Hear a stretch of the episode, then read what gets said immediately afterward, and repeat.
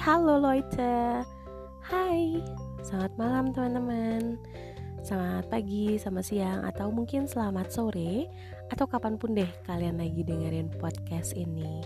Balik lagi, Willkommen Vida by Hali Halo. Di podcast gue Podcast gue, podcast gue, podcast lo Podcast kita dong ya. Apaan sih? Balik lagi masih di Hali Halo sama gue Ara dan setiap minggunya kita bakal bahas sebuah tema yang mungkin sedang kalian alami atau mungkin juga pernah kalian alami atau bahkan hal yang kalian gak pernah dengar sama sekali kalian gak tahu dan kalian belum pernah mengalami itu tapi kalian bisa prepare kalau suatu saat nanti kalian ma mama mama mama kalian mengalami itu kok gue beli begini ya udah lama banget gak bikin podcast kayaknya ya oke okay. nah kira-kira udah kebayang belum sih gue mau bahas apa berdasarkan judul yang ada di podcast hmm, hmm. yakin gak tahu gue mau bahas apa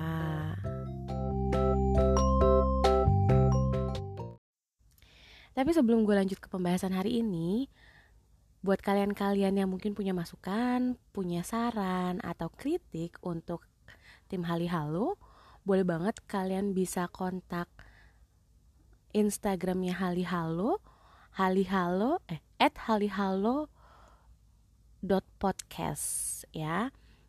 Nanti juga bakal gue sertain di covernya atau kalian mungkin punya ide gue harus bahas apa? Atau kalian mungkin mau curhat boleh banget. Gue tungguin.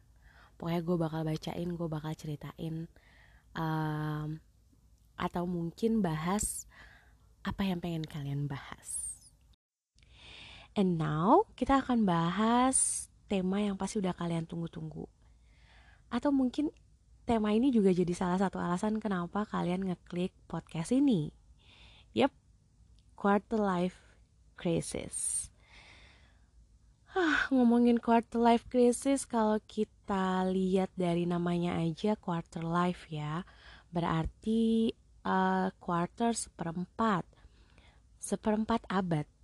Atau biasanya krisis ini dialami oleh orang-orang yang berusia middle 20s to early 30s. Jadi kayak pertengahan 20 gitu ke usia 30 tahun awal. Uh, tapi bukan berarti krisis ini dialami terus-terusan dari umur 25 tahun sampai ke 30. No. Cuma memang ada masa-masa yang sangat sangat sangat intens of a um, soul searching and stress occurringnya itu bahkan bisa sampai mencapai 11 bulan loh. Wow. Kebayang gak sih stres mikirin pencarian apa ya? Pencarian tujuan hidup dan juga mm, menanggulangi stres selama 11 bulan guys. Even this quarter life crisis itu bukan sesuatu yang baru tapi kalian, kita, gue sendiri mungkin kadang ngerasa apa ya? Ngerasa bingung kalau dihadapin dengan situasi ini tentunya. Karena sebanyak apa pun informasi misalnya, itu tetap bukan hal yang mudah untuk ditanggulangi. Meskipun kita udah baca sana sini udah dengar dari orang dengar curhatan teman-teman kita yang lebih dewasa yang sudah pernah mengalami diskresis gitu kadang kita juga masih butuh penyesuaian di awal supaya kita bisa apa ya bisa menanggulangi krisis ini bisa mengalahkan si krisis ini. Tapi sebelum gue jauh ke arah sana, gue mau share dulu ke kalian ciri-cirinya gimana sih kalau kalian itu sedang mengalami quarter life crisis. Oke, okay. yang pertama, kayaknya kalian gak akan nyangka kalau ternyata kebiasaan kalian scrolling di internet, di sosial media tanpa tujuan yang pasti, tanpa kalian ada tujuan untuk mencari sebuah informasi yang kalian tahu apa informasi yang kalian cari, itu adalah merupakan adalah merupakan pemborosan kata banget ya gue. Itu merupakan salah satu ciri dari quarter life crisis awal. Ketika kalian seperti mencari gue mau cari apa sih sebenarnya? Apa sih yang gue cari? Kayak gitu. Lebih spesifiknya, biasanya orang-orang yang mengalami quarter life crisis itu dalam kurun waktu singkat bisa berganti-ganti uh, condition. Kayak misalnya dalam kurun waktu tiga tahun atau dua tahun terakhir itu berganti-ganti tempat kerja atau berganti-ganti pasangan, berganti-ganti tempat tinggal. Kayak misalnya kalian ngekos, kayak nggak betah di satu tempat tinggal. Dalam kurun waktu singkat, kalian mengganti atau merubah kondisi kalian untuk uh, beberapa kali. Jadi tidak hanya satu kali, dua kali, bahkan ada yang pernah mengalami lebih dari lima kali dalam waktu dua tahun. Wow, kebayangkan lima kali ganti tempat kerja selama lima tahun. Gue pribadi sih tipe orang yang nggak bisa segampang itu ya beradaptasi sama lingkungan baru, kenalan sama orang baru gitu. Jadi memang butuh pertimbangan yang amat sangat panjang untuk merubah sebuah kondisi. Tapi bisa jadi event kalian orang yang kayak gue yang banyak pertimbangan ketika kalian sedang mengalami quarter life crisis, semuanya tuh terasa tidak perlu ada yang dipertimbangkan lagi secara panjang seperti itu. Nah, yang paling terasa dari quarter life crisis dari kondisi ketika kalian mengalami quarter life crisis ini adalah kalian itu seperti mempertanyakan the direction of your career, relationship maybe atau bahkan tujuan hidup kalian secara overall. Jadi misalnya kalian awalnya merasa oh gue happy sama hidup gue dengan pekerjaan gue saat ini gue berpenghasilan cukup, gue masih bisa senang-senang. Terus mendadak kalian bingung kayak yang aduh kok gue mulai nggak nyaman di kantor. Padahal nggak ada kejadian apa-apa, nggak ada pressure apa-apa dari mana pun. Even ada pressure dari kerjaan, tapi sebenarnya it's nothing to do with that gitu. Nggak ada hubungannya sama kegalauan kalian. Kenapa pengen pindah tempat kerja? atau ketika kalian punya pacar dalam sebuah relationship yang mana sebenarnya the relationship is okay. Kayak tidak ada apa-apa. Tapi tiba-tiba kalian mempertanyakan oh, kayak hmm, mau ke mana? Atau relationshipnya mau sampai kapan begini, apa tujuan selanjutnya, step selanjutnya, dan kebetulan pasangan kalian mungkin tidak bisa diajak komunikasi dengan baik, jadinya kalian pusing sendiri, jadinya kalian ada di kondisi quarter life crisis ini, kayak gitu. Nah, tapi sebenarnya tipe-tipe orang yang bertahan dalam quarter life crisis itu sebenarnya orang-orang yang bisa um, mengontrol dan cerdas dalam uh, apa ya dalam menyiasati situasi tapi tapi dia ngerasa kesulitan untuk achieve something gitu. Nah ketika dia ngerasa kesulitan untuk achieve something itu jadilah ada kayak pertanyaan ke diri sendiri kayak am I am I good enough? Am I worth enough? And anything else. Gitu jadi kira-kira kalian lagi ngalamin quarter life crisis nggak? Coba tanya ke diri kalian apakah memang kalian baik-baik saja? Atau kalian sudah tahu tujuan hidup kalian? Ke mana arah karirnya? Atau bahkan hubungan baik itu hubungan dengan teman dengan pasangan, dan juga dengan keluarga. So, jadi kalian lagi ngalamin quarter life crisis? Karena yang bisa jawab kita lagi ada di kondisi ini atau enggak, itu cuma diri kita sendiri. Krisis ini harus kita deteksi sedini mungkin, biar kita bisa menanggulanginya dengan baik. Buat kalian lagi mengalami krisis ini, kind problem nggak masalah karena gue punya beberapa tips yang udah gue rangkum dari berbagai sumber baik itu dari internet atau dari hasil diskusi sama teman-teman gue dan juga ada beberapa yang berasal dari pengalaman gue sendiri dalam menghadapi quarter life crisis ini supaya we are not getting crazy cause of it gitu oke okay. Jadi tips yang pertama yang bisa gue kasih ke kalian adalah you should seek out solidarity. Kalian harus banget cari solidaritas yang bisa backup kalian. Not just a someone tapi like a circle.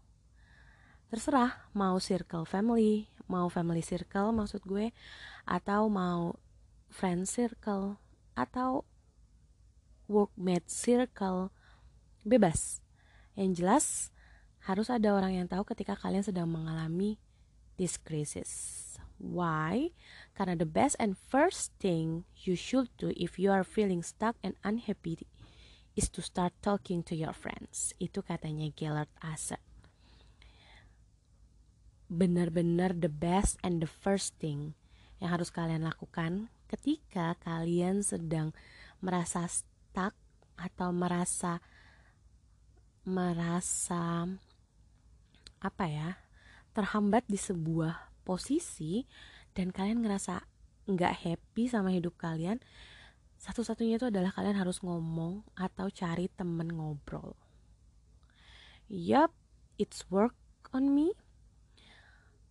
Even I don't have that much friend gitu kan? That many friends cuma satu dua orang yang tahu risaunya hati kalian tuh penting banget sih. Setidaknya kalian bisa melepas beban atau rasa nggak enak yang kalian pendem sendiri. The second one kalian bisa mencari apa ya mencari kesibukan yang bisa membuat kalian lupa sama stres ini sama diskrisis misalnya kalian bisa work aside hustle kayak ikutan program-program voluntary misalnya. Karena lagi banyak banget tuh sekarang ya. Ada voluntary-voluntary itu bisa membuat kalian sedikit melupakan krisis ini. Syukur-syukur ternyata voluntary jobnya cocok sama kalian sesuai. Kalian malah jadi happy, malah bukan cuma nggak inget tapi malah bisa me menghilangkan atau menanggulangi krisis yang sedang kalian hadapi saat ini. Atau kalau mungkin kalian nggak punya niat untuk ikutan voluntary program kalian bisa starting a blog misalnya or like me starting a podcast. I think it's the one uh, of this um, many ways yang gue lakuin untuk melewati quarter life crisis yang sedang gue alami saat ini atau buat kalian-kalian yang mungkin memang udah punya niat atau lagi nggak sibuk apa-apa boleh banget kalian bisa ngejalanin little business misalnya jual-jualan apa. Sekarang juga lagi hype banget ya jualan-jualan jualan-jualan tuh karena kondisinya lagi kayak gini juga pandemi. Satu-satunya cara di mana kita bisa kerja aman dari rumah itu ya jualan online gitu. Dan nggak ada yang salah dari itu jadi selain kalian bisa menghasilkan uang kalian juga bisa menanggulangi ke kepusingan kalian, stresnya kalian menghadapi quarter life crisis ini. Tips selanjutnya itu adalah ini lebih ke bukan untuk dijalankan sih, tapi untuk diingat-ingat oleh kalian kalau don't let your tricky define you. Jadi jangan sampai kalian ngebiarin diri kalian itu terbatasi oleh status. Misalnya, kalian ngerasa kalian di usia sekarang, oh, I'm too old to start a new apa ya, to considering a new sort of learning gitu No, no one's too old for that. Gak ada yang gak ada orang yang terlalu tua untuk memulai sesuatu yang atau untuk belajar sesuatu. Kalian bisa mempertimbangkan untuk untuk ikutan kelas, kelas-kelas sekarang juga banyak banget kelas-kelas seminar online yang bisa kalian ikutin cuma via internet. Itu benar-benar bisa membuat kalian sibuk atau mungkin dari kelas-kelas tersebut kalian akan me mengenal orang-orang baru, memiliki proyek baru atau mungkin menemukan passion kalian di situ. Who knows? Jadi jangan cuma jangan cuma kalian pusing sendiri, kalian menggerutu sendiri tapi tidak melakukan apa-apa. Kalau kalian rasa uh, ikutan kelas atau seminar itu ngeberatin buat kalian kalian bisa misalnya pergi ngopi sama orang baru sama orang yang baru dikenal with stranger atau bagusnya sama orang yang punya pekerjaan impian kalian. Misalnya kalian sekarang bekerja sebagai katakanlah konsultan. Sebenarnya kalian gak pengen jadi konsultan, tapi kalian pengen jadi music producer. kalian kenal seseorang yang dia musik produks produser. Terus kenapa nggak ngajak dia ngopi, ngobrolin, oh gimana dia start their job, apa yang harus dilakukan, what to do, what not to do. Pokoknya ngomongin hal-hal yang memang jadi tujuan kalian atau mencari passion kalian. Jadi itu bukan sesuatu yang yang memalukan ketika kalian ketika kalian ngobrol sama orang yang punya pekerjaan yang kalian impikan. Lihat dari sisi lain, kalau banyak hal yang bisa kalian ambil dari mereka, kalian bisa belajar banyak dari mereka. So what? Terus kenapa? Ini kan opportunity yang bagus untuk kalian. Mungkin memang passion kalian di sana, atau bagusnya lagi ketika rezeki kalian juga di sana. Iya kan? kita nggak tahu jadi try our best aja untuk be the best version of us gitu tips terakhir yang bisa gue kasih ke kalian adalah